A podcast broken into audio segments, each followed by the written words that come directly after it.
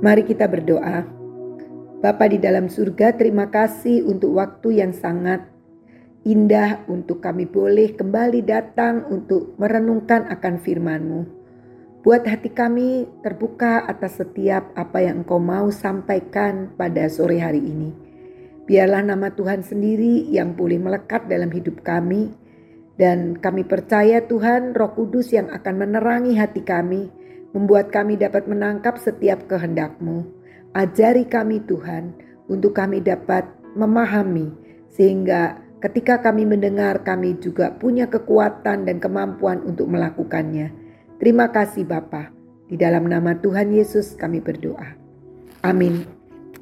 Shalom saudara-saudara yang dikasihi Tuhan Yesus. Tentu kita tahu siapakah Nelson Mandela itu. Nelson Mandela adalah mantan presiden Afrika Selatan. Tetapi dia sempat dipenjara selama 27 tahun karena uh, dia memiliki apa ya uh, pendapat bahwa dia anti dengan apartheid atau anti dengan perbedaan ras kulit putih dan kulit hitam. Sehingga dia sempat dipenjara selama 27 tahun. Dan selama dia di penjara itu tentu saja dia diperlakukan dengan sangat kejam. Dia diperlakukan dengan tekanan-tekanan yang luar biasa. Mendapatkan sebuah ruangan yang sangat sempit. Hidupnya di dalam penjara itu bukan saja sekedar dia melewati hari-hari tanpa harapan. Tetapi juga di situ uh, dia mendapatkan perlakuan yang sangat tidak manusiawi. Salah satu perlakuan yang dia dapat adalah dia sempat digantung dengan terbalik, kemudian dia dikencingi oleh sipir penjara. Dan semua perlakuan-perlakuan itu tentu saja menimbulkan kepahitan di dalam hatinya, kejengkelan di dalam hatinya, kemarahan yang tidak tahu harus ke mana melampiaskannya. Tetapi selama 27 tahun itu yang tertanam terus di dalam dirinya. Kebencian, kemarahan, kepahitan. Dan kemudian dia punya kesempatan untuk dibebaskan dan pada tahun 1994 dia terpilih menjadi presiden dari Afrika Selatan. Ketika dia terpilih jadi presiden, kemudian dia memanggil sipir penjara yang pernah memperlakukan dia dengan semenang-menang itu. Tentu saja sipir penjara ini takut sekali ketika harus berhadapan dengan pemimpin tertinggi, kepala negara terpilih yang pernah diperlakukan dengan sangat kejam. Tetapi apa yang dilakukan oleh Nelson Mandela? Ketika dia memanggil kemudian dia bertemu dan dia berkata kepada sipir penjara. Hal, hal pertama yang kulakukan sebelum aku menduduki jabatan presiden adalah aku memaafkan kamu.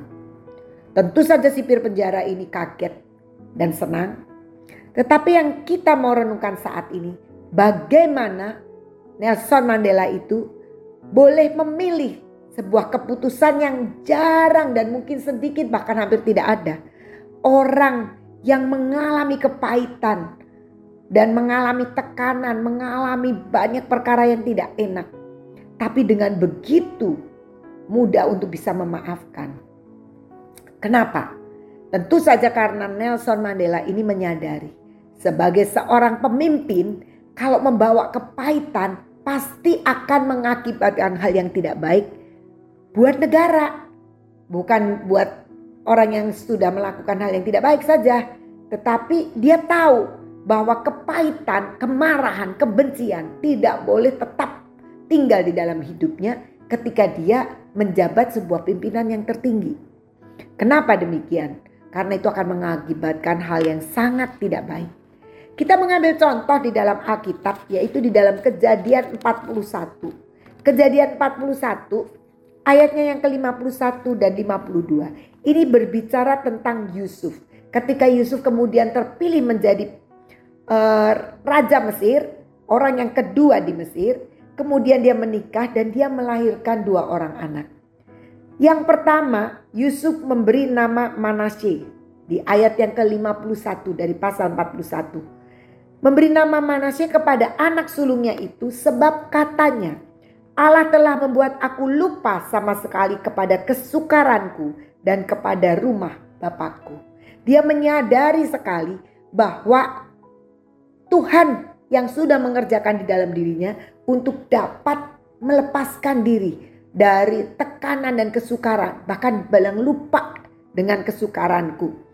Padahal kita tahu pada waktu Yusuf masih di penjara, kemudian dia bisa menafsirkan mimpi dari juru makanan dan juru minuman dan itu semua terjadi. Ketika juru minuman akan dilepaskan dan kembali bekerja di istana, dia pesan, tolong sampaikan ke Firaun bahwa aku ini nggak punya salah dan aku akan segera pulang ke rumah orang tuaku gitu. Jadi artinya sebenarnya dia merindukan akan tempat tinggal di masa lalunya. Tetapi kemudian Tuhan sanggup menolong dia untuk dia melupakan kesukaran dan kepada rumah bapaknya. Padahal tentu saja pada waktu Yusuf menjadi penguasa Mesir, orang pertama yang paling takut pasti istrinya Potifar dan Potifar juga. Nah, kenapa? Karena mereka itu yang memfitnah dan mereka itu yang memasukkan Yusuf sehingga masuk di dalam penjara.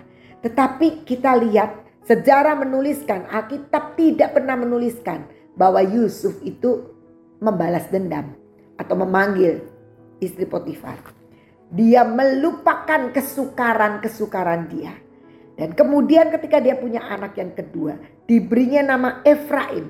Sebab katanya di ayat 52, Allah membuat aku mendapat anak dalam negeri kesengsaraanku.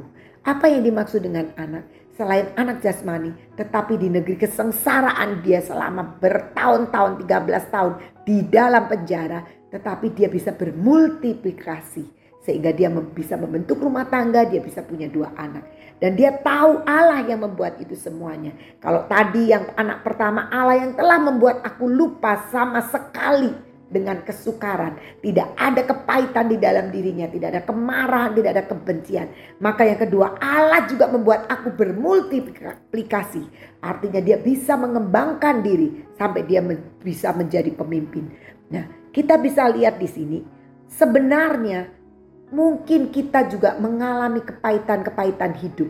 Ada orang memfitnah kita, ada orang melecehkan kita, tidak pernah menganggap kita lagi. Bahkan kemudian ada orang yang mungkin tidak mau mendekat dengan kita. Ada banyak kepahitan mungkin di dalam keluarga, anak merasa merasa dibedakan oleh orang tuanya sehingga timbul kepahitan di dalam dirinya atau di sekolah atau di dalam pekerjaan. Karyawan melihat pimpinan ini kelihatannya kok sama aku dibedakan dengan yang lain. Mungkin kita punya perasaan itu dan kemudian kita merasa bahwa sesungguhnya uh, semua hal itu menimbulkan kepahitan marah coba nanti kalau aku sukses kalau anak coba kalau nanti aku sudah besar kita punya kemarahan tapi kita tidak sanggup untuk melampiaskan semuanya itu. Dan bagaimana melepaskan kepahitan? Yusuf melihat ada rekaan Tuhan, ada campur tangan Tuhan ketika dia bisa melupakan semua kesukarannya dan ketika Tuhan juga memberikan kesempatan untuk dia mengembangkan karirnya. Semua adalah rekaan Tuhan. Yang pertama, bagaimana kita melepaskan kepahitan dan kebencian ketika kita fokus bahwa semua Tuhan izinkan terjadi untuk mendidik kita. Itu rekaan Tuhan semua. Tuh, kalau gitu Tuhan yang salah dong membuat kita menjadi pahit. Tentu saja tidak. Karena kita tahu Allah yang sempurna memiliki rencana buat hidup kita, rencana yang penuh dengan harapan, masa depan yang penuh dengan harapan. Tetapi ketika Tuhan melihat kondisi kita seperti itu, maka kita sebagai orang percaya harus tahu Tuhan izinkan semua itu terjadi. Jadi ketika yang pertama, bagaimana kita melepaskan semua karena Tuhan itu tidak jauh sebenarnya dari kita. Dia bisa meluputkan kita dari orang-orang yang melecehkan kita. Dia bisa meluputkan dan melepaskan kita dari hinaan orang. Dia bisa dan dia sanggup. Tetapi ketika dia mengizinkan itu terjadi, sebenarnya dia sedang mendidik. Kita bisa bayangin bagaimana Yusuf seorang anak manja yang sangat dikasih oleh orang tuanya. Bahkan orang tuanya membedakan karena Yusuf diberikan jubah yang indah, yang maha indah. Sedang saudara-saudaranya kakak-kakaknya tidak. Tentu saja akan menimbulkan kebencian, kecemburuan daripada saudara-saudaranya. Dan Yusuf dari anak yang begitu dimanja, dikasihi, diberikan semua fasilitas yang lebih baik dari saudara-saudaranya. Tiba-tiba dia dibuang dan dia menjadi budak di Mesir. Tuhan bisa saja meluputkan, tapi Tuhan mengizinkan itu terjadi. Ternyata apa? Ternyata kalau kita lihat di dalam kejadian 50, kejadian 50 ayat ke-20 dan 21, ketika Yakub sudah meninggal dan kemudian uh, saudara-saudara Yusuf ketakutan. Waduh, Yakub bapak kita sudah meninggal. Pasti Yusuf baru akan balas dendam. Sebab selama masih ada ayahnya, Rupanya Yusuf masih segan dan menghormati ayahnya. Tetapi apa? Ketika saudara-saudaranya datang dan kemudian Yusuf berkata di dalam kejadian 50 ayat 19 sampai dengan 21. Tetapi Yusuf berkata kepada mereka, kepada saudara-saudaranya, Janganlah takut sebab aku inikah pengganti Allah. Memang kamu telah mereka-rekakan yang jahat terhadap aku. Tetapi Allah telah mereka-rekakannya untuk kebaikan dengan maksud melakukan seperti yang terjadi sekarang ini, yakni memelihara hidup suatu bangsa yang besar. Jadi, janganlah takut. Aku akan menanggung makanmu dan makan anak-anakmu juga. Demikianlah ia menghiburkan mereka dan menenangkan hati mereka dengan perkataannya. Hebat sekali Yusuf ini. Dia lupa dengan rekan-rekannya dari saudara-saudaranya untuk membunuh dia atau melenyapkan Yusuf dari keluarga itu. Tetapi dia bilang, ini semua direka-reka Tuhan. Memang kamu bersalah, memang kamu mereka-rekakan yang jahat. Tetapi Tuhan mereka-rekakan untuk mendatangkan kebaikan. Buktinya sekarang, kalau aku dibawa ke Mesir supaya aku bisa memberi makan dan memelihara suatu bangsa yang besar. Kepahitan tidak tinggal di dalam Yusuf. Karena Yusuf memutuskan untuk melihat Tuhan lebih daripada apa yang dia alami. Hebat sekali. Itu yang pertama bagaimana kita melepaskan kepahitan dan kebencian. Percaya bahwa Tuhan mengizinkan untuk mendatangkan kebaikan. Yang kedua kita akan lihat dalam Roma 12. Roma 12 ayatnya yang ke-21. Demikian bunyinya. Janganlah kamu kalah terhadap kejahatan, tetapi kalahkanlah kejahatan dengan kebaikan. Jadi Tuhan mengatakan begini, kamu harus mengalahkan kejahatan. Ketika kamu pahit karena dijahati orang, kamu harus kalahkan itu dengan cara memberikan yang baik untuk orang itu.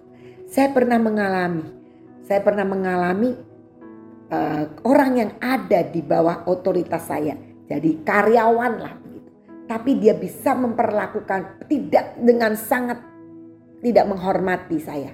Ketika saya tanya dengan sangat baik, tanpa marah karena memang tidak ada yang perlu dimarahkan, tapi dia melonjak dan bahkan dia mengatakan saya seolah-olah kenapa sih mesti ikut-ikutan. Jadi sebuah pekerjaan yang saya delegasikan kepada dia, kemudian saya mempertanyakan, kan boleh dong saya sebagai pimpinan dan dia bilang, "Kenapa tanya-tanya? Kalau mau tahu ya sudah kerjain aja sendiri." Aduh sakitnya bukan main. Dan apakah saya bisa berhak untuk memecat? Sangat berhak. Saya bisa memecat. Tetapi kembali diingatkan. Kalahkan kejahatan. Kalahkan kejahatan. Dan berbuatlah baik. Bisa langsung? Tidak. Saya mengurung diri selama dua minggu saya tidak mau ketemu dengan karyawan saya itu. Kenapa? Karena saya sedang bergumul dengan diri saya sendiri. Tapi firman Tuhan katakan kalahkan kejahatan. Kalahkan kejahatan. Dia berbuat jahat. Dia berbuat tidak hormat. Dia berbuat kurang ajar. Tetapi saya harus kalahkan. Saya harus kalahkan. Dan apa yang terjadi? Setelah dua minggu saya memutuskan untuk tidak sakit hati. Karena bagaimanapun saya berbelajar berpikir. Tuhan mengizinkan untuk menilik hati saya. Apakah saya punya kerendahan hati? Apakah saya punya lapang dada ketika seorang anak buah mengatakan demikian. Tetapi saya harus mengalahkan kejahatan dengan kebaikan. Saya kemudian uh, menemui dia dan saya sapa dia seolah-olah tidak pernah terjadi apa-apa. Tidak gampang, tapi saya belajar. Ketika saya tahu saya melangkah maka saya percaya. Langkah pertama saya sudah berani untuk lakukan. Langkah kedua ketiga selanjutnya Tuhan yang akan beri kekuatan. Dan apa yang terjadi? Dia sangat kaget. Ketika saya memper mungkin setelah dia lakukan itu dia menyesal. Tapi uh, dia tidak bisa berbuat apa-apa. Tetapi ternyata dua minggu kemudian saya menemui dia dengan sangat baik. Saya sapa seperti tidak pernah terjadi apa-apa dan itu sebenarnya sangat mengagetkan dia tentu saja. Tetapi saya tidak pernah mengungkit lagi dia. Dan apa yang terjadi? Tiga bulan kemudian kira-kira dia menemui saya dan menemui saya dan dia bilang kata bercerita kepada saya tentang kehidupannya, tentang keluarganya, bukan uh, terjadi pertengkaran tidak, tapi dia merasakan tidak ada berkat dalam hidupnya. Dia mempunyai masa kerja yang bisa lebih lama dari karyawan yang lain, tetapi karyawan yang lain dengan gaji yang lebih tinggi, tapi karyawan yang lain bisa punya rumah dan dia pernah punya rumah akhirnya dijual. Dia merasakan bahwa hidupnya itu dari segi ekonomi pun tidak diberkati. Nah, saya pada waktu itu sebenarnya saya tidak terlalu ingin dia untuk konseling dengan saya karena saya takut saya jadi mengancam dia. Tetapi Roh Kudus menolong saya sehingga saya memberikan jalan keluar dan mendoakan dia. Kalahkan kejahatan dengan kebaikan. Kepahitan itu akan sirna dan Tuhan akan pasti akan menyembuhkan kita ketika kita mau mengambil keputusan untuk melepaskan kepahitan. Seperti Nelson Mandela, dia bilang, yang pertama yang aku harus lakukan sebelum aku menduduki tampuk presiden, aku harus memaafkan kamu. Dia berkata kepada sipir penjara itu. Dan apa yang terjadi? Dia menjadi presiden yang sangat baik. Dan kita melihat kemudian yang ketiga apa? Dari Filipi 3 ayat 13b.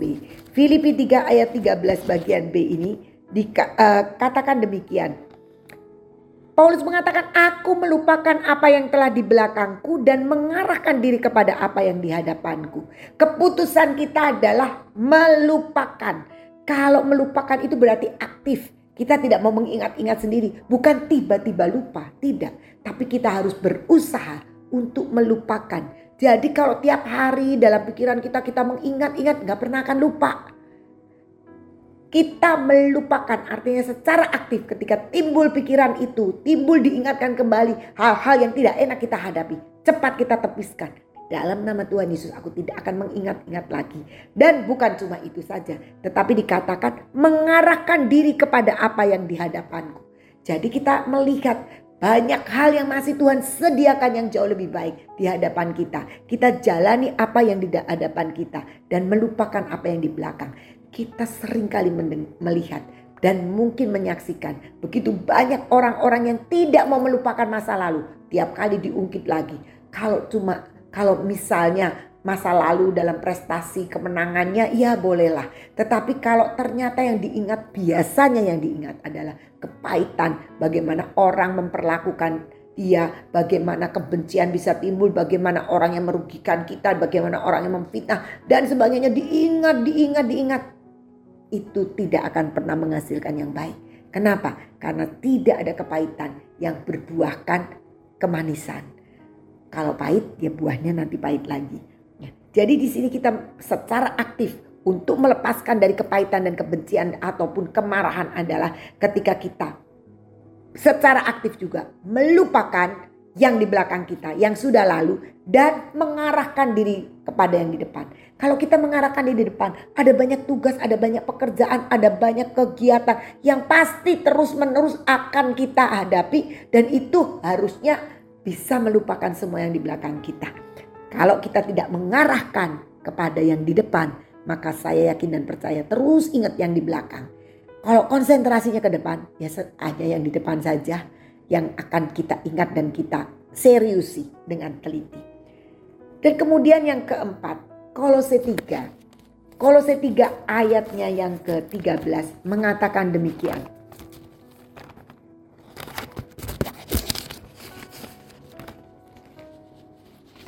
Kolose 3 ayat yang ke-13 dikatakan demikian. Sabarlah kamu seorang terhadap yang lain dan ampunilah seorang akan yang lain. Apabila yang seorang menaruh dendam terhadap yang lain, sama seperti Tuhan telah mengampuni kamu, kamu perbuat jugalah demikian. Jadi bagaimana kita bisa melepaskan kepahitan dan kebencian dengan mengampuni. Dikatakan di sini ampunilah. Ampunilah, jangan menaruh dendam, tetapi mengampuni. Kenapa alasannya? Karena Tuhan sudah mengampuni kita. Jadi kita belajar untuk mengampuni orang yang bersalah kepada kita. Di dalam Matius 6 ayatnya yang ke-14 dan 15 dikatakan demikian. Karena jikalau kamu mengampuni kesalahan orang, Bapamu yang di surga akan mengampuni kamu juga. Tetapi jikalau kamu tidak mengampuni orang, Bapamu juga tidak akan mengampuni kesalahanmu. Hati-hati saudara-saudara yang dikasih Tuhan Yesus. Kita harus belajar mengampuni orang yang bersalah kepada kita. Karena toh kita juga punya kesalahan terhadap orang lain. Bahkan juga kepada Tuhan. Kalau kepada Tuhan hebat sekali dosa kita sebenarnya. Tetapi Tuhan sudah mau mengampuni kita. Dan Alkitab mengatakan kita harus mengampuni. Karena kalau kita tidak mengampuni orang, Bapak yang di surga juga tidak akan mengampuni kita. Kalau Tuhan tidak mengampuni kita, saya mau tanya, apakah dosa kita bisa dibawa ke surga? Tidak bisa. Di surga tidak ada dosa. Di surga hanya ada kekudusan. Di surga hanya ada uh, kesucian. Karena itu kita harus mengerti. Saya pernah mendengar kesaksian dari seorang hamba Tuhan. Hamba Tuhan ini bercerita begini. Ada seorang ibu yang begitu giat melayani Tuhan dengan luar biasa dan dipakai Tuhan juga dengan luar biasa. Dia rajin, dia selalu datang ke persekutuan, dia selalu datang dalam pelayanan, dia menghibur orang, dia mendoakan orang, luar biasa sekali. Dan kemudian suatu hari dia meninggal. Dia punya seorang menantu, seorang pendeta. Dan tentu saja di dalam saat dia meninggal, jenazah masih ada di situ. Ada banyak orang-orang karangan bunga berdatangan, orang-orang yang datang dan semuanya menyaksikan betapa baiknya ibu ini. Betapa luar biasanya pelayanannya. Semua teringat dengan semua yang sudah dikorbankan oleh sang ibu ini. Tapi tiba-tiba menantunya yang seorang hamba Tuhan ini, dia mendapatkan penglihatan. Dalam penglihatannya, ibu mertuanya ini sedang dalam kesakitan, sedang dalam kemurungan, sedang dalam ketakutan yang luar biasa. Aneh sekali bukan? Nah kemudian hamba Tuhan ini berdoa. Tuhan apa yang sebenarnya terjadi dengan ibu mertua saya?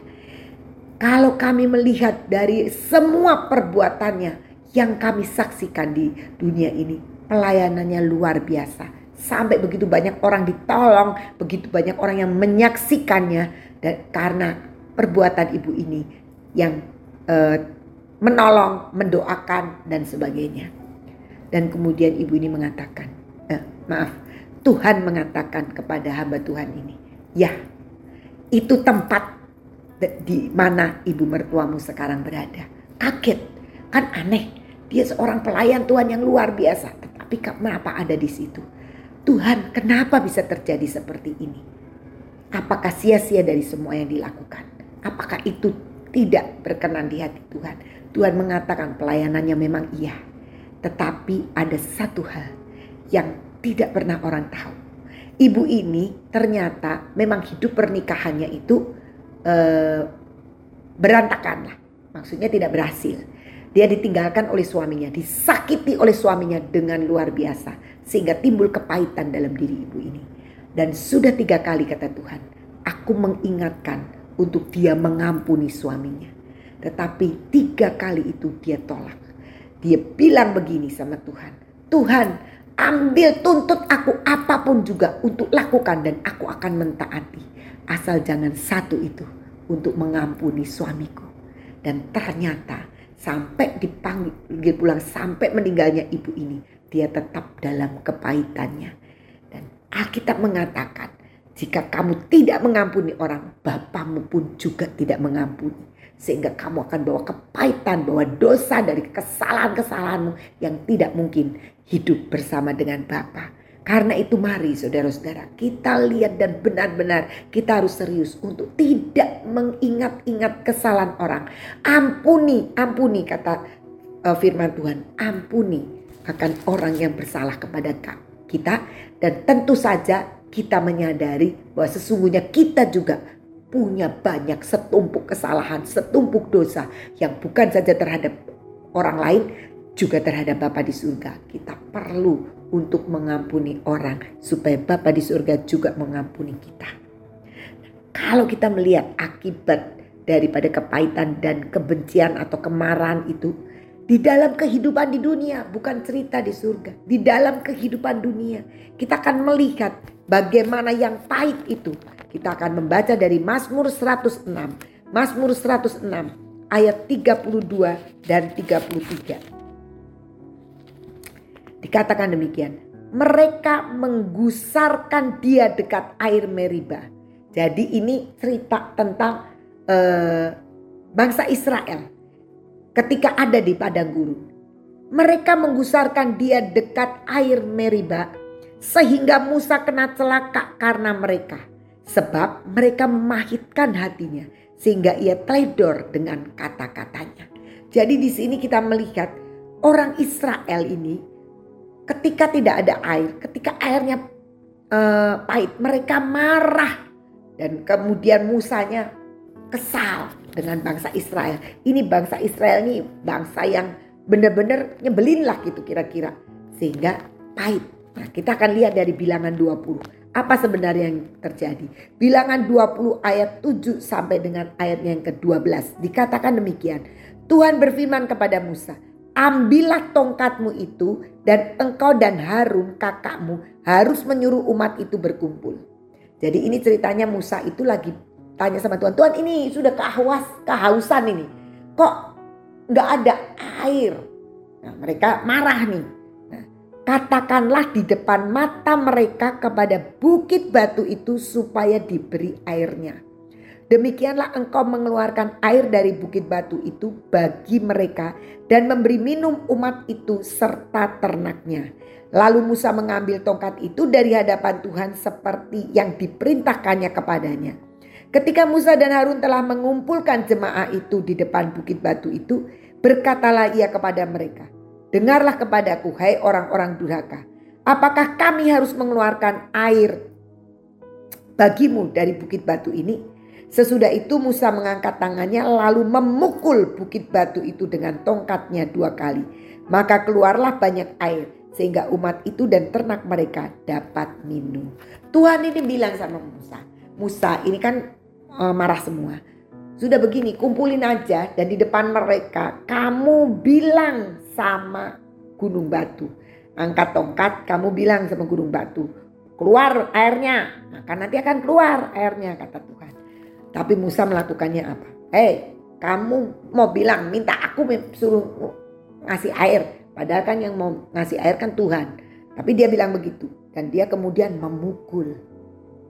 Memukul bukit batu itu dua kali. Tuhan bilang ngomong, jangan pukul, bukan pukul, ngomong. Tapi dia memukul. Dan bahkan dikatakan begini, uh,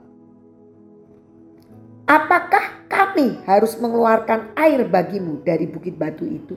Tuhan tidak nyuruh Musa mengeluarkan air. Dia salah ngomong. Yang mau mengeluarkan itu Tuhan. Tapi dia ngomong hanya dengan bukit batu. Hei bukit keluar airnya. Tapi ini kan atas otoritas Tuhan. Jadi di, di dalam Mazmur tadi dikatakan bahwa mereka memaitkan hati Musa sehingga teledor dengan kata-katanya. Teledor sehingga Musa bilang, kami tak harus mengeluarkan. Tuhan tidak pernah memerintahkan untuk Musa mengeluarkan air. Tetapi Tuhan memerintahkan untuk dia berbicara kepada batu itu dan batu itu nanti yang akan keluar airnya. Tentu Tuhan yang akan mengeluarkannya. Nah di sini orang yang punya kepahitan itu mudah sekali bicaranya menyakitkan orang, bicaranya melawan Tuhan, bicaranya gak benar gitu. Di dalam 1 Petrus 1 ayat 14 dikatakan demikian. 1 Petrus 1 ayat 14 Hiduplah sebagai anak-anak yang taat dan jangan turuti hawa nafsu yang menguasai kamu pada waktu kebodohan. Jadi sebenarnya orang yang punya kepahitan, kemarahan, kebencian itu orang-orang yang bodoh. Dan di dalam kebodohanmu kamu bisa teledor dengan kata-katamu. Seringkali mungkin kita sedang marah dalam kebodohan. Kita bisa katakan anak-anak kita bodoh lah, males lah. Menjengkelkan, nakal lah. Dan itu masa kebodohan. Dan jangan lakukan. Sebab itu kita sedang ada di dalam hawa nafsu kebodohan. Dan itu akan menimbulkan efek yang sangat tidak baik. Kita selalu berdoa supaya anak kita pandai. Tapi kita bilang kamu tuh bodoh. Kita pengen anak kita serius sekolah. Tapi kita bilang kamu tuh malas. Alkitab mengatakan hidup mati dikuasai lidah. Siapa menggemakan akan makan buahnya.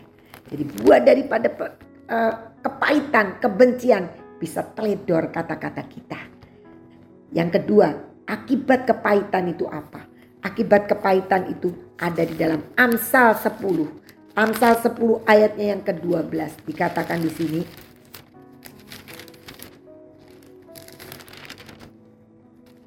Kebencian menimbulkan pertengkaran, tetapi kasih menutupi segala pelanggaran. Kalau hati kita penuh dengan kebencian, kepahitan, maka yang timbul adalah pertengkaran.